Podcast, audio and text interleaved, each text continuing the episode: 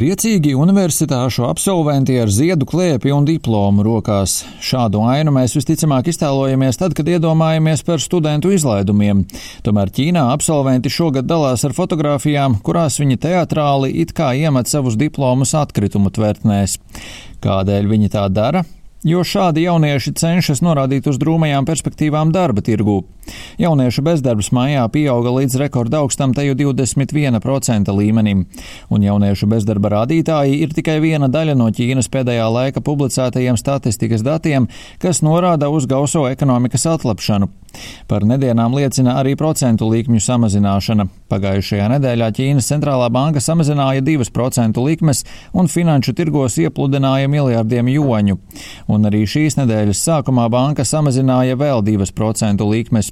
Viena gada aizdevumu likmi, kas kalpo kā atsauce korporatīvajiem aizdevumiem, banka samazināja no 3,65 līdz 3,55%. Vienlaikus piecu gadu aizdevumu likme, kas tiek izmantota hipotekāro aizdevumu likmju noteikšanai, tika samazināta no 4,3 līdz 4,2%. Vājie ekonomiskie rādītāji radījuši augsni aicinājumiem veikt stimulēšanas pasākumus. Galvenais ekonomists un valdības padomnieks Liu Jončuns šomēnes aicināja regulatorus vēl vairāk samazināt aizņēmumu izmaksas, lai atvieglotu finansēšanas slogu mazajiem un vidējiem privātajiem uzņēmumiem.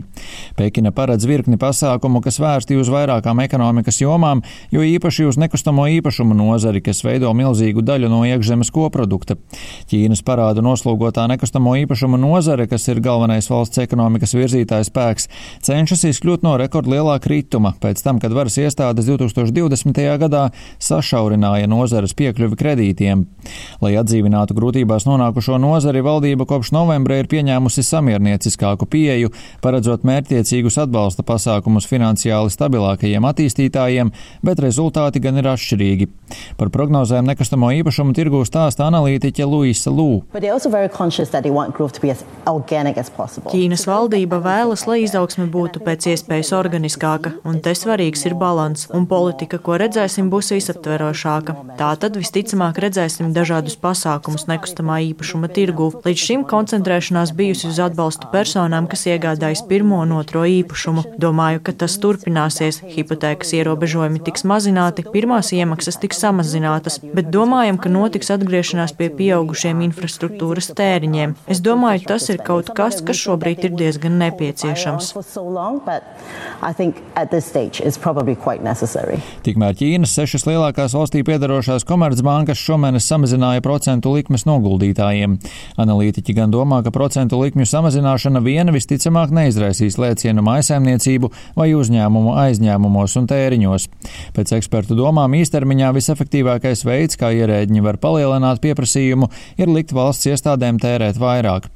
Pirmajā ceturksnī Ķīnas ekonomikas izaugsme sasniedza 4,5% līmeni, un izaugsmes rādītāji šim gadam svārstās no teju 5 līdz vairāk nekā 6%. Taču eksperti vērtē, ka optimisms par ekonomikas strauju atkopšanos atkal sāk izzust. Tādas bankas kā Goldman Sachs un JP Morgan nesen samazināja gada iekšzemes koprodukta aplēses Ķīnai un brīdināja par gaidāmajiem sarežģījumiem. Uz to, ka problēma skar ne tikai nekustamo īpašumu sektoru, bet ir plašāka, telekanālam Bloomberg Bloomberg saka ekonomists Karlos Kazanova. Šī vairs nav nekustamā īpašuma sektora bremzēšanās problēma. Tā ir plašāka problēma, kas ietekmē ražošanas sektoru, ietekmē investīcijas, un tādēļ ir nepieciešams veikt plaša mēroga pasākumus, lai stimulētu ekonomiku. Te runa vairs nav tikai par mājokļu sektoru.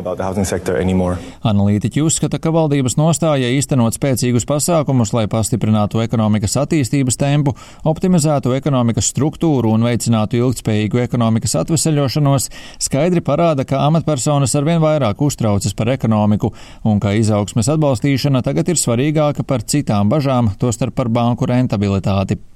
Rihards Plūme, Latvijas radio.